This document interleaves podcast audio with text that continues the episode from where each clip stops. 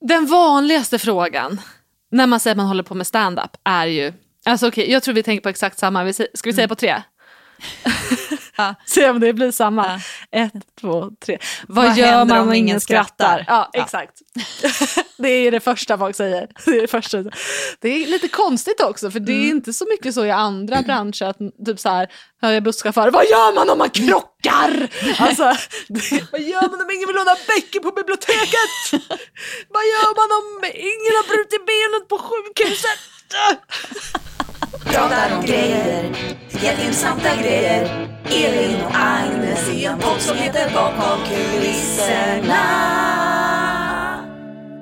Välkomna till den här podden Bakom kulisserna med Elin och Agnes. Och den här podden den kommer ju handla om eh, hur det är att jobba med underhållning, media och humor. Ja, vi kommer ju prata ganska öppet och ärligt, är väl tanken, om liv och jobb både bakom och framför eh, kameran och på scen. Lite sådana frågor, så här, kan man verkligen jobba som stand-up-komiker?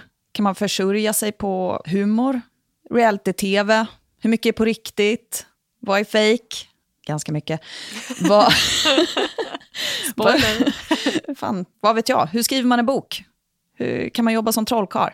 Massa ja. sånt där. Ja men precis, och vi har ju båda väldigt mycket erfarenhet av de här grejerna. Stand-up, reality, tv, manusförfattare, teater, film och massa mer eller mindre flumriga branscher. Så i den här podden så kommer vi svar på både vanliga, våra vanligaste frågor och kanske ovanliga frågor. Och så kommer vi dela med oss av tips till någon som kanske är sugen på att börja jobba med något av det här eller om man bara är nyfiken. Och sen kommer vi såklart berätta väldigt mycket personliga anekdoter och bakom kulisserna historier. Och sen så kommer vi ju det ibland dyka upp en gäst som kan, någon trollkarl kanske, som kan, som kan liva upp. Som kan liva upp. Vilka är vi då? Varför ska vi prata om det här? Ja, exakt! Ska vi börja med dig då? Vem är du? ja, men och då, då tänker vi lite jobb och lite sådär. Mm. Du kan få slänga in också eh, Eh, alltså, favorit... Djur. Djur. Just det. Jag kommer eh, ni kommer alldeles strax få veta mitt favoritdjur då. Mm. Eh, men först, eh, så, ja okej, okay. men eh, jag heter ju Agnes eh, Hirdvall. Eh, jag kommer från en liksom, kulturfamilj, får man väl ändå kalla det. Någon typ av teaterfamilj där mm. båda mina föräldrar är skådespelare och bröder och diverse släktingar och sådär jobbar med teater och tv på olika sätt. Uh, så att uh, för mig så var det ju ganska tidigt liksom en självklarhet att man kan jobba i den här världen. Uh, som jag har ju förstått när jag blev äldre sen, att det inte är för alla. Liksom. Um, så jag eh, gick eh, Södra Latins teaterlinje. Sen så jobbade jag som eh, skådis på Dramaten och på Stadsteatern när jag hade tagit studenten. Efter det så eh, började jag en tv-produktionsutbildning. Jag gick på Medieinstitutet här i Stockholm. Och eh, sen började jag jobba med reality-tv. Hur gammal var du då? Då, då var jag 12. Nej, jag Du har hunnit med så, alltså, så mycket. Mm. Men jag är ju också väldigt gammal. Jag fyllde ju 40 väldigt nyligen. Ja men det känns som att du har liksom... Ah, det känns som att du borde vara äldre. Ja, med tanke jag... på allt du har gjort. Och du har ju också, nej nu ska inte jag lägga ord men du har ju också så spelat på Dramat. Alltså det känns ja. som att du har jobbat igenom väldigt många liksom, olika bitar inom underhållning. Ja, men, jo men precis. Jo men det har jag ju. Eh, när jag, jag reality har jag jobbat med i 16 år, tror jag det blir. Så jag, jag, kan inte räkna, så jag vet inte hur gammal jag var då. Så någon som kan räkna, om jag är 40 nu och jag har jobbat 16 år. Jag vet. 24! 24? Ja. ja du kunde räkna. Jag var bra Varför jobbar du med underhållning? ja. Du hade ju kunnat ha ett riktigt jobb. Jag borde jobba som snille. Eh, just det. Ja. Nej, men så det är, väl, eh, det är väl det. Så att man kan ju säga att eh, för mig så är ju liksom mitt... Eh, min huvudsakliga, mitt huvudsakliga brödfödejobb är ju inom reality-tv. Och sen så började jag med stand-up för fyra år sedan, ganska precis.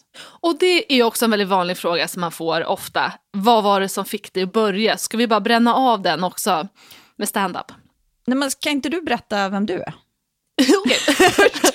ja, det kan jag göra. Det kan jag. Eller kan vi Jo. gå in på stand-up sen? Ja, så gör vi. Eh, jo men eh, jag då, ja, men jag heter då Elin Almen och jag har inte haft den här typen av jobb i min familj eller släkt eller så, eh, på nära håll. Så att för mig dröjde det lite längre innan jag, eh, tror jag fattade hur man kunde jobba med det. För jag har alltid varit väldigt intresserad, eh, apropå att jag var eh, bra på matte här. När jag gick i skolan var jag, jag var väldigt bra på matte och hela min familj var liksom natur, ja men det är mycket lärare, folk gick natur på, på gymnasiet och det var liksom det någonstans som var min självklara, så här, det är det som man ska göra typ. Men jag var jätte inte, jag gjorde mycket så, filmer hemma, eh, sketcher, höll på med liksom massa saker. Och när det var dags att välja gymnasium så minns jag att jag till och med sa till mina klasskompisar, när man frågade varandra vad man skulle välja, så sa jag att mm, nej men jag ska gå natur, men egentligen så vill jag gå teater. Och då var det någon som sa, alltså typ någon eh, bara random snubbe i klassen som bara, men varför gör du inte det då? Och det är lite störigt att det var typ han som fick mig att inse det, för jag hade önskat att det skulle vara någon så här, eh, lite, någon person jag tyckte bättre om. men, Skriv om historien bara. Skriv ja, om den. det var... Eh, men eh, då slog det mig att bara, men just det, varför gör jag inte bara det? Så då började jag ju faktiskt också på Södra Latin. Jag Just sökte in det. till deras teaterlinje där och då tänkte jag väldigt mycket, okej, för då var ju det en ny värld för mig. Teater. Men redan från början var det ju, det var humor, impro, karaktärer som jag tyckte var absolut roligast. Eh, och så sen då, sen gick jag en eftergymnasial också skådespelarutbildning. Och sen efter det då så har jag ju eh, dels då stand-up, eh, manusförfattare, eh, både med, alltså allt. Komiker är mitt paraply, min paraplytitel, så jag är olika saker inom humor. Stand-up, manusförfattare, jättemånga sånger för Svenska nyheter. Eh, bland annat improvisationsteater, jag har hållit på med jättemycket radio. Även eh, Robinson som inslagsproducent, så jag har gjort lite sådana. Och också lite avstickare in på radion, där jag har gjort mer så reportergrejer, men framförallt då humorsaker. Just det. Men eh, vi tänkte väl i det här första avsnittet prata lite om eh, stand-up. Mm. Och börja med stand-up, hur det är att jobba med stand-up. Mm. Lite sånt, vi kommer ju prata mer om det eh, framöver också. Men kanske någon slags eh, ingång på det bara. Ja, Mm. Hur kom du in på stand-up? Ja men det var ju då eh, någonstans här då efter att jag eh, hade gått den här eftergymnasiala utbildningen. bara, Och där tog det stopp. jag vet inte vad jag ska kalla en eftergymnasial utbildning. Ja, det låter Lät så- otroligt, eh, liksom, du låter som en syokonsulent. Ja, när verkligen, verkligen. Som att jag försöker typ så här, vägleda mig själv i efterhand. Sen vore det bra om jag hade gått en eftergymnasial utbildning i vad fan som helst. men det var ju då en skådespelarutbildning. Och då tänkte jag ju fortfarande så här, jag skulle bli skådespelare. Eh, men jag tyckte fortfarande att humor är det roligaste. Så jag hade något år efter det när jag eh, gjorde de här klassiska grejerna, jag var, spelade i frigrupp, gick på massa casting, tyckte det var ganska jobbigt. Att liksom gå och bara knacka på massa castingdörrar och kan jag få provfilma hitan och ditan. Så jag kände, nu behöver jag göra någonting som bara ska vara kul. Något som bara får tillbaka lusten till varför jag ens vill in i den här branschen. Så då gick jag en improkurs på en teater. Och eh, i slutet av den kursen så blev jag erbjuden ett jobb där. Som eh, då så här, ja men kursledare, spela föreställningar på den teatern, också driva teatern och göra företagsjobb och sånt. Och en av alla de kurserna som de hade på den teatern var en standupkurs. Och då var det så här, då bara, eh, eh, någonting som ändå har legat och grott i mitt huvud ganska länge insåg jag då. För att jag hade också vet jag sagt till massa andra personer, du borde göra stand-up, du borde göra stand-up, du borde göra stand-up. Och så var det till slut någon som sa, men ska inte du göra det själv? Det verkar som att du är väldigt intresserad av det här. Klassisk projicering. ja, verkligen. Verkligen som man går runt och ger alla bara, du har nog ADHD, du har ADHD, du har ADHD. Bara, ja, men du kanske har... Så man ger råd som egentligen bara handlar om sig själv. Jag tror att du känner dig lite vilsen och ensam faktiskt. Skulle behöva en kram tror jag. Det tror jag du behöver. Men sen då, hon som hade haft den här kursen, Ami Hallberg Pauli, hon skulle ha en, en show på Södra Teatern. Mm. Eh, en stand-up show. Som också skulle sändas på SVT. Och då ville hon ha liksom, det skulle vara flera olika komiker, men hon skulle ha några liksom rookies i början. Och då frågade hon mig om jag ville vara en av dem. Så då, och då, det låg väl typ så här två månader framåt i tiden och hon frågade mig. Så jag bara okej. Självklart säger jag hur lång tid har jag på mig att lära mig vad det här är. så då började jag köra stand-up liksom, mycket och regelbundet inför den showen. Eh, och sen så fortsatte jag att köra det. Så sen dess har jag liksom gjort det så kontinuerligt. Liksom. Men gud, vad- alltså, det där låter ju ändå som så himla bra, för jag tror att många av eh, oss som är i den här världen, eh, jag säger inte att alla har ADHD, men också alla, Alla har det. alla har det. Eh, nej, men att, eh, jag menar att just det där att ha ett eh, ganska kortsiktigt mål som man jobbar fram till, alltså tror jag är perfekt. Alltså, jag har satt upp massa föreställningar som har varit så här, att jag typ har sålt in föreställningen på en teater, hittat på i sittande möte vad den handlar om Ja, och bokat in ett premiärdatum. Och sen har jag gått och ringt eh, mm, typ mina kompisar och bara, "Vi- nu behöver vi eh, skriva en föreställning. Ja, ja. Eh, för vi har premiär om ett par månader. Men det tror inte jag alls är dumt. Alltså jag Nej. tror att det där är jättebra. Alltså för att man speciellt när det handlar om sånt, jag tror många förväxlar såna här eh, yrken med att Alltså när det, när det handlar om kreativitet så tänker folk att man bara ska sitta och vänta på inspirationen. Det blir så heligt på något sätt. Och man går jättemycket på känsla och det tror jag man ska hitta alla medel för att komma ifrån.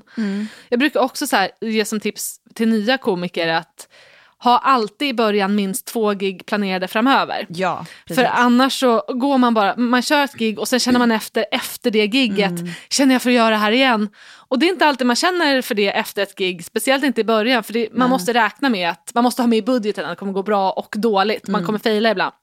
Så då måste man hela tiden bara ha nästa deadline. Att så här, men då ska jag göra det igen, då ska jag göra det. Eller så här, jag har, jag har sagt att jag ska köra en show, en föreställning.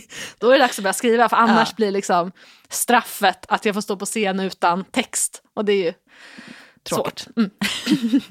Både svårt och tråkigt. Man skulle kunna säga omöjligt.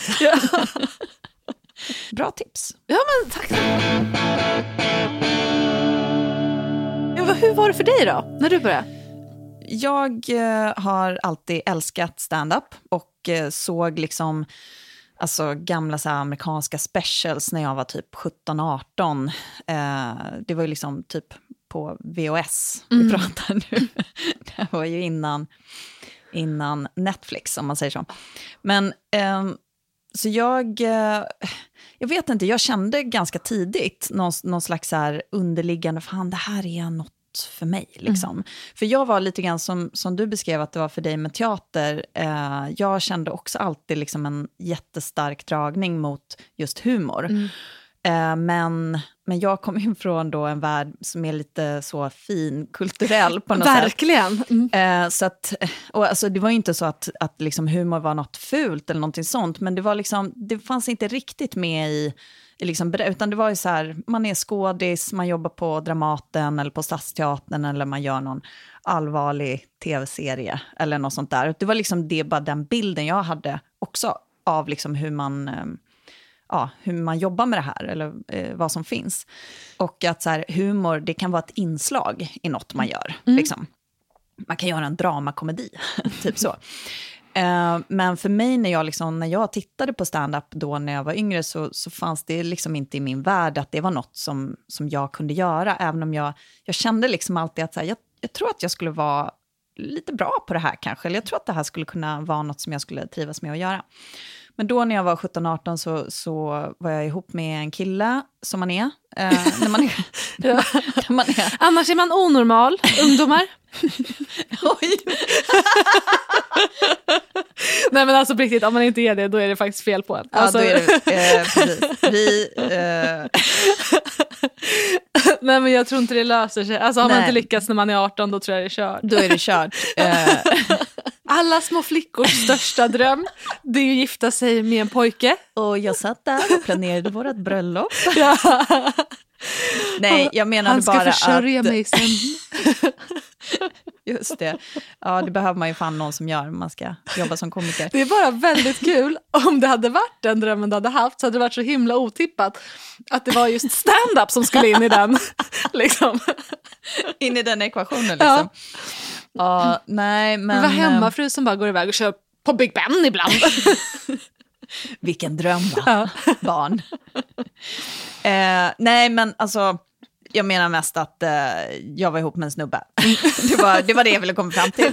Men då gjorde jag liksom som man gör när man är en 17-årig tjej som är ihop med en kille. Att då frågar man honom så här, skulle inte du eh, tycka det här vore något för mig? Mm. Det här vore väl kul, en kul grej. Mm. Och då så svarade han eh, nej, eh, nej, absolut inte, det tror jag inte.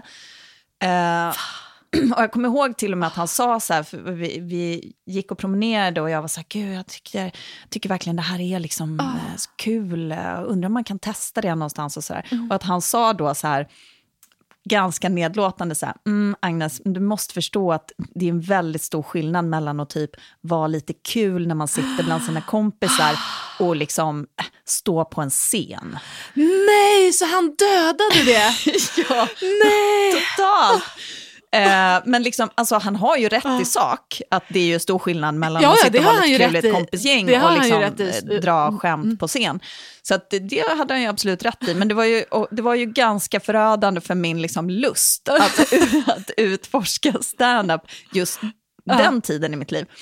Ja, så. men för det kan vi ändå säga, alltså, han har, det är stor skillnad eh, ja. att eh, vara rolig med sina kompisar och stå på scen. Men det är det som hela jobbet handlar om att lära sig och det är samma för alla. Att det man gör mm. är ju bara så att översätta den liksom, komiska eh, hjärnan man har till ett annat format bara. Exakt. Det är bara det, så nu ska jag paketera det här till en scen så att de också fattar min humor. Och, mm. och det är ju det som är att börja med stand-up, att haja den grejen. Så det är ju så för, för all, det är ju själva grejen liksom. Verkligen.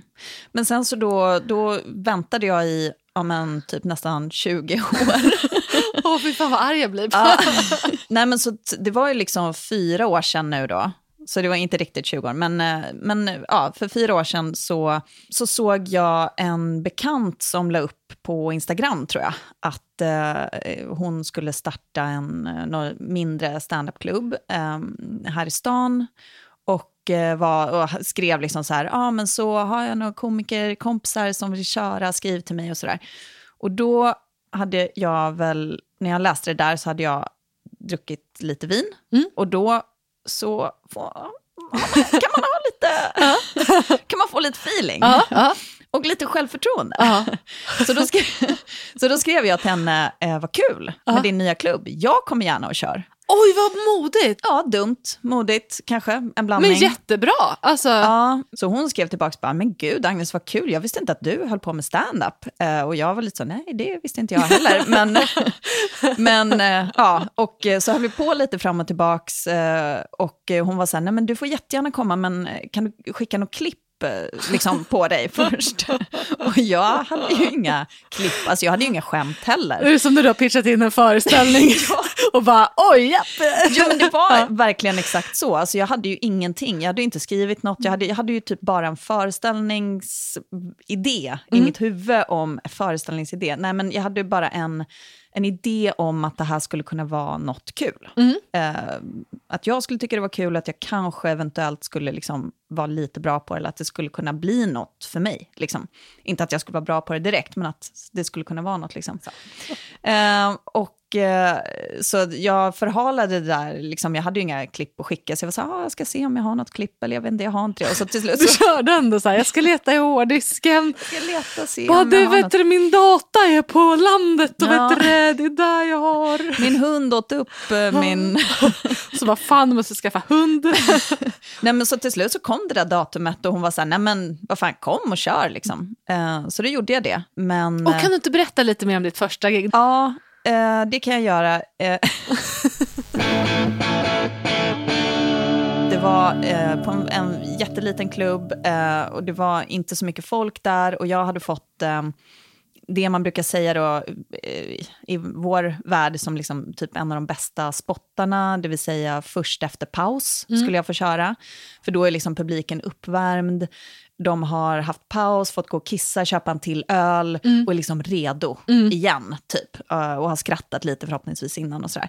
Så det var jättegulligt, jag skulle få gå upp då först efter paus. Eh, men problemet var att eh, precis innan paus så hade en komiker kört som, alltså som är en jättebra komiker, Eh, men som, jag vet inte, jag tror kanske inte hade kört på så länge och var liksom, ja men som man kan vara, bara i, jag vet inte, stissigt mode på något sätt.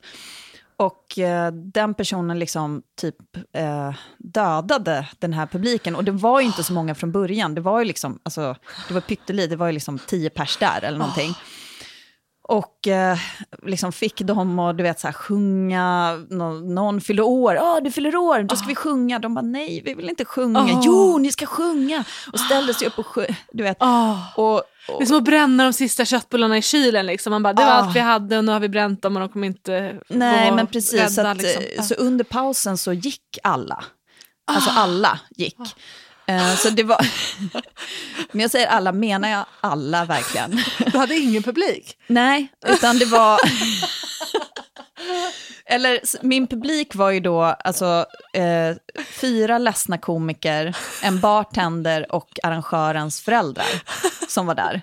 Um, när det blev paus då, det var uppenbart att alla hade dragit, så jag frågade jag den, den här jättegulliga tjejen som, som arrangerade, jag bara, du, eh, ja, jag antar att vi skiter i det här. Alltså, tack för Hon bara, ikväll. vadå, min mamma är här.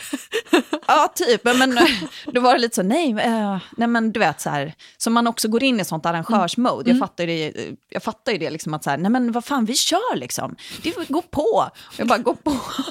Vadå? För vem? Det här är jättekonstigt. Men för mig var det ju också så här, jag var ju så otroligt alltså, flippig i huvudet själv och nervös inför att göra för första gången. Så för mig spelar det inte så Ah. stor roll. Liksom. Jag vill ju bara så säga de här grejerna, för då hade jag ju skrivit skämt och hade, skulle vi köra tre minuter eller vad det nu var.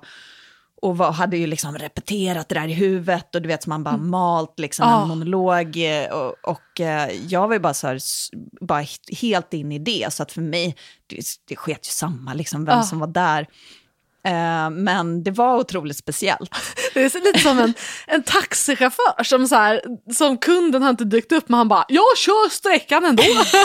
ja, med eller utan kund. Jag kör, jag bara kör. Fan det är mitt jobb. Ja, Men det är underbart, jag kan verkligen relatera till det där. Också när man är så inne i, Mm. för det finns ju också en väldig i både teater, stand-up, underhållning generellt, en väldig show must go on. Ja. Som näst, känsla som nästan ibland går till absurdum. Man bara, Ja. men nu sitter, alltså, också ett gig för typ så en person som inte vill, vill vara där, som man har tvingat, vet inte om att det ska vara stand-up i lokalen, uppenbart inte vill vara där och man bara “men nu kör vi för dig!” och man bara, men jag vill inte, vi vill inte, ingen vill. Alltså det är så lite samtycke i den här lokalen så att det är typ olagligt. Alltså. men det är liksom, men det är någonstans, det är det som är, man är så ipräntad. The show must go on alltså. Ja, Så det var ditt första gig, och hur kändes det då? Att, ehm, jag var nöjd för att jag hade tagit mig igenom det och bara genomfört det oavsett vem fan som var där. Och det blev också ganska talande för mig att liksom efter ett sånt weird gig så kände jag ändå att så här, det här är något för mig. Och då tänkte jag att liksom, om jag känner så efter en sån här grej, då är det nog kanske det. Och sen hade jag ju liksom tre goda månader innan pandemin bröt ut. Eh, ja, du började där, i den vevan. Ja, jag började liksom precis innan pandemin. Ja. Det var ju otroligt speciellt. Så att, eh, ja, men jag körde på så mycket som man kunde. Det var ju inte, liksom alla klubbar, såna här källarklubbar typ stängde ju igen, nästan alla. Eh, och eh, sen blev det ju vår och sommar och då var det det här när man skulle köra utomhusgig. Och jag hade ju aldrig kört någonting.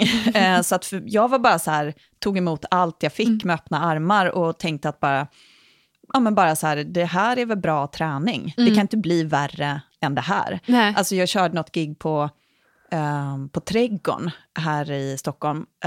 Med liksom, det var typ så här åtta utspridda pers eh, i, som inte hörde någonting vad man sa och de fick inte sitta bredvid varann. Och det, men det var så liksom, absurt och flera sådana andra gig som, som var just så bara så här, jag vet inte ens om det är någon i publiken för alla sitter så långt borta från mig, från varann. Gud vad du måste älska det här som börjar ja. på de premisserna. Du bara, äh, men alltså det här, det alltså, här är livet. Det är liksom, att det där var din, liksom, din start. Alltså, du... Ja, så att jag fattade ju också typ att det här är väldigt bra träning. Verkligen, för det kan vi säga till de som lyssnar som inte vet, att det är ju, det är ju man kan nog tänka att det är lite tvärtom, att det måste vara svårast ju mer publik där till exempel. Mm. Vad svårt, men det är precis tvärtom. Alltså ja. har du en full teater som är fullsatt med jättemycket folk, det är de lättaste, bästa mm. förutsättningarna att köra standup för. Då för. har ju de också ofta betalat mm. eh, en god summa för att sitta där. De har kanske fixat barnvakt, de sitter liksom i en sån salongsittning för att just titta på och skratta åt eh, ja. liksom, eh, roliga grejer. Verkligen, och, och ju fler de är desto mer tryck blir det. Det smittar ju av sig till varandra. Liksom. Folk vågar skratta. Folk vågar skratta. Ju färre det är i publiken och också de här coronareglerna som var att mm. de var mm. tvungna att sitta så långt ifrån varandra. Det gör man alltid. Har man liten publik normalt så brukar man alltid försöka tajta ihop folk. Att, mm. men, även om det är 20 pers, sitt nära varandra. För att man, mm. man liksom smittas och hamnar i en, man blir en, alltså publiken ja. blir en enhet.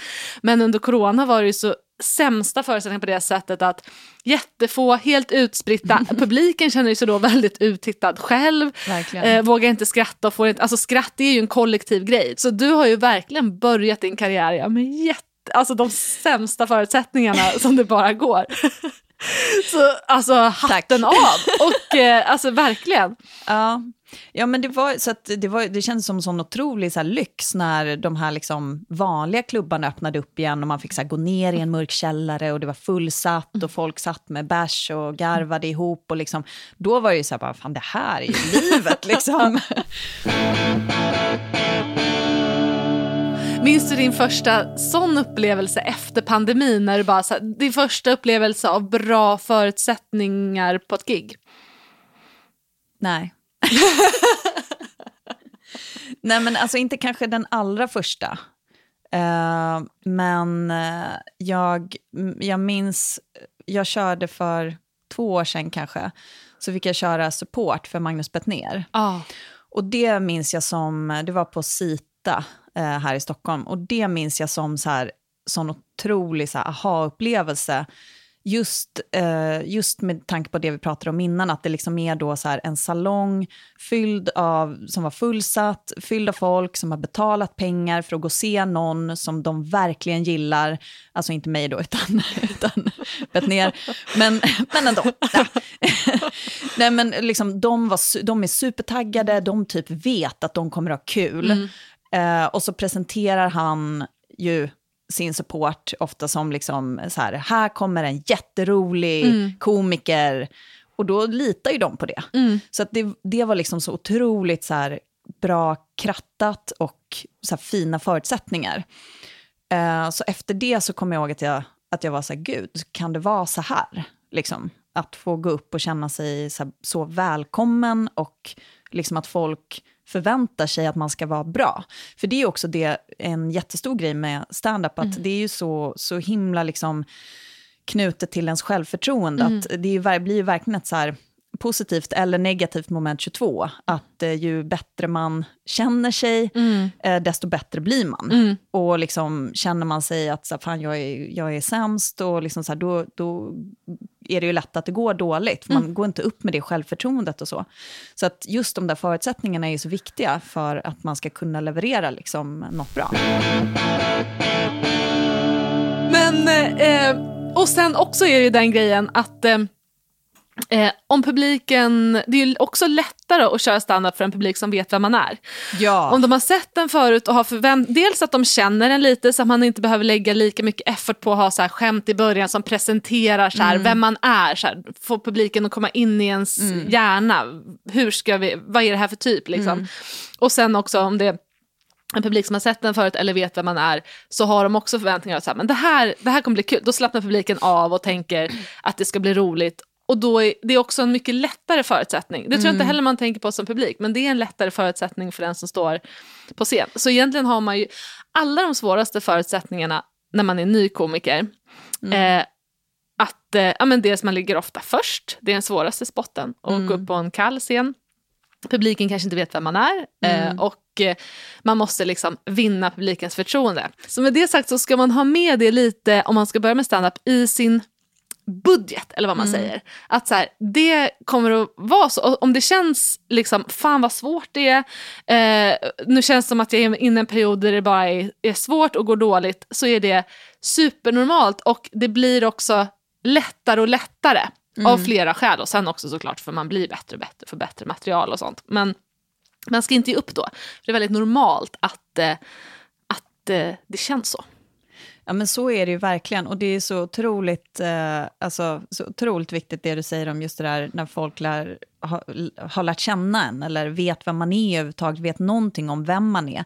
För att bara en sån grej som man, kan, man kanske inte heller tänker på, och nu vet jag, nu kanske jag säger samma sak som du sa, jag vet inte. Det får du gärna göra. I sånt fall, i sånt fall så uh, får man klippa bort det här.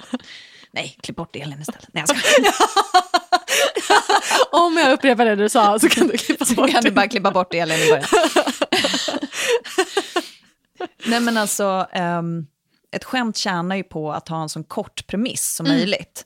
Eh, där man inte behöver liksom förklara en massa, en massa fakta innan bara, utan man vill ju gå så snabbt som möjligt på det som faktiskt är det roliga med det. Så här, när man ser etablerade komiker som, som går upp, liksom, då kan ju de, ja, men så här, alla vet vem de är gifta med. Aha. Alla vet att de har ja, men han har två barn, eller ja, men de vet att hon bor där, eller hon har gjort det här tidigare i sitt liv. Så att de behöver inte förklara det, utan de kan bara så här, säga ett namn. Och så vet folk, ja just det, det är ju hans dotter, eller det är ju dens eh, fru, liksom, eller så här. Eh, och det har man ju verkligen inte när, man, när ingen vet vem man är, utan det är ofta så och, och, alltså att man måste förklara så mycket och liksom så banta ner det till något som är halvkul innan man kan komma till det som är roligt på riktigt. Liksom. Ehm, jag, jag känner så också, för att det beror ju på vad man har för stil såklart. Och är man liksom en så här one-liner-komiker, alltså, det vill säga en sån som, som drar liksom, eh, väldigt korta skämt som kanske inte är superpersonliga eller så, då spelar inte det där så stor roll. Liksom. Men om man är som, jag pratar ju mest om, liksom på scen om, så här, om saker som har hänt mig på riktigt, eh, saker jag tänker på riktigt. Eh, och eh, liksom allt är ju sant, det jag säger. Sen så kanske såklart att man liksom kortar ner vissa grejer eller liksom skruvar till någonting och så, men det är ju väldigt svårt då när ingen vet. ehm, vem man är, att man måste förklara allting först för att det överhuvudtaget ska bli kul, det man har tänkt att säga. Liksom. Nu har jag ganska nyligen träffat en ny kille. Och eh, eh, det är ju väldigt eh, kul och så, och också otroligt svårt att låta bli att prata om på scen. För det är liksom det som händer i mitt liv just nu. Eh, alltså, inte det enda som händer. Men man ska ha en kille, det ska man.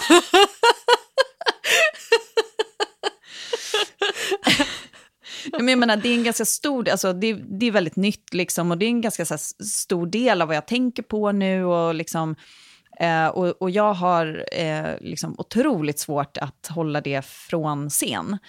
Men då är det ju verkligen det här så här, eh, för mig att för att jag ska kunna prata om det på liksom ett sätt som förhoppningsvis blir lite kul för någon annan också, då måste jag kanske förklara att jag har varit gift väldigt länge innan, eh, att jag är nyskild, eh, liksom att jag har träffat den här killen nu. Jag har ju grejer som jag vill Hoppas inte han lyssnar nu. Eh, jag har ju grejer som, som jag liksom har tänkt som jag, jag så vill prata om. Men där jag just har känt så att, men hur ska jag liksom göra den här premissen kort nog? Eh, jag skulle vilja bara kunna gå direkt på eh, och liksom berätta om den här situationen. Men jag vet att då måste jag först berätta kanske liksom lite mer vem jag är. Jag måste berätta vem han är. Ja men Och jag har verkligen. liksom inte löst det riktigt Ja. än, hur det ska bli så här en, en rimlig, rimligt kort premiss. Liksom. Mm. Ja, men så, är, så är det ju verkligen. Alltså, en, en väldigt känd komiker vet ju alla vad den är för typ. Så här, man vet mm. att det här är en lite en lite blyg komiker, det är en liten liksom, eller det här är en eh, komiker som är lite bonnig eller vad det nu kan mm. vara. Men det där lite är också... bonnig. lite bonnig. Undrar varför folk inte gillar oss från Stockholm. Mycket svårare för oss att bli likeable. Just det, mycket lättare för den här bonniga komikern. Ja, men jag är för snygg tyvärr. Så att. Åh, för fan. Ja. Men, för det är också någonting när man eh, precis börjar att då behöver ju man ju få publiken att fatta det också. Så man kan behöva säga mm. typ så här, både liksom visa det tydligt men också säga typ så här, men jag är en väldigt blyg person som bla bla bla. För att folk ska mm. fatta att själva skämtet, det var kul att jag hamnade i den här situationen, jag som är så blyg till Just exempel. Det. Eller så här, det var kul att jag var i stan för att jag är så bondig. Alltså, så, så man behöver ju också väva in sådana saker. Och i början har man ju typ så här, det vanligaste är att man, ens allra första gig kanske man får tre minuter och sen är det fem mm. minuter ganska länge. Så det är mycket som ska in där. Liksom. Verkligen. Så det är ju eh, eh, så. ja, bra avslut. Ja. Tydligt avslut. Okej, okay, men ja, vad, vad gör man? man om ingen skrattar då? Mm. Har du något eh, standardsvar på det som du brukar dra när folk säger så? Ja, eh, jag brukar nog säga att eh, alltså om, om verkligen ingen skrattar, då så gäller det ju eh, att köra på. köra sin grej. För det, det, är ganska lätt att man vill liksom hänfalla till det här att man ska så kommentera sig själv i tredje person när man fortfarande står på scen. Alltså mm. typ att man drar ett skämt, det är helt tyst i publiken och då vill man väldigt gärna säga så här, ja, ja, det där tyckte ni inte var så kul. då stryker jag det skämtet. så där. Men det är väldigt lätt att man vill göra det för mm. att det blir, det blir som ett försvar. Mm. Eh, och, så, och så får man ju kanske lite skratt på det mm. när man säger det. I alla fall första gången. I alla fall första gången. Mm. Men jag brukar tänka att liksom, ja, man kan eventuellt säga det en gång. Men jag försöker hålla mig från att göra det och att det bästa man kan göra är att typ bara så här, skita i det. Och kör på, kör sitt material, kör kanske inte några extra grejer. Mm. Vad brukar du svara då? Eh, nej men eh, korta svaret är väl bara så här, ja om ingen skrattar då står man där och skäms. Eh, alltså så är det ju. Mm. Eh, men eh, jag tycker ändå att det är viktigt att se att så här, en långsiktig och kortsiktig aspekt i det. Mm. Att eh, eh, det är klart, man kan inte lura någon med att säga att nej men alltså om jag har ett gig och så drar jag ett skämt och ingen skrattar, så här, det, jag mår kanon, jag skiter väl i det. Så här, för det, det känns helt okej. Okay. ja, för det är såklart helt Jag är lika glad för det. ja, jag bryr mig inte. Eh, för det är klart man gör, alltså, det är vårt jobb att få folk att skratta. Det är väldigt uppenbart när det lyckas och det är väldigt uppenbart när det misslyckas. Så mm. såklart mår man bättre när det lyckas och om ingen skrattar så är det klart att i stunden så blir man så här ja, ja, ja. Och så får man liksom se det som en helhet. Att så här, för att bli bättre och bättre hela tiden så måste man ibland ut och ta lite risker, testa mm. lite saker, bara så här, köpa. Det är en del av potten att ibland så, så här, okej okay, det är jobbigt nu när jag står här, men det är inget onormalt. Alltså det är som att typ så här, eh, ha ett eksem och veta det kliar nu men det är inte farligt, det är inte aids, det kommer gå över. Typ så. Eh, Stand-up, lite som eksem. Lite, lite som eksem, verkligen. Pratar om grejer, jätteintressanta grejer. Elin och Agnes i en podd som heter Bakom kulisserna.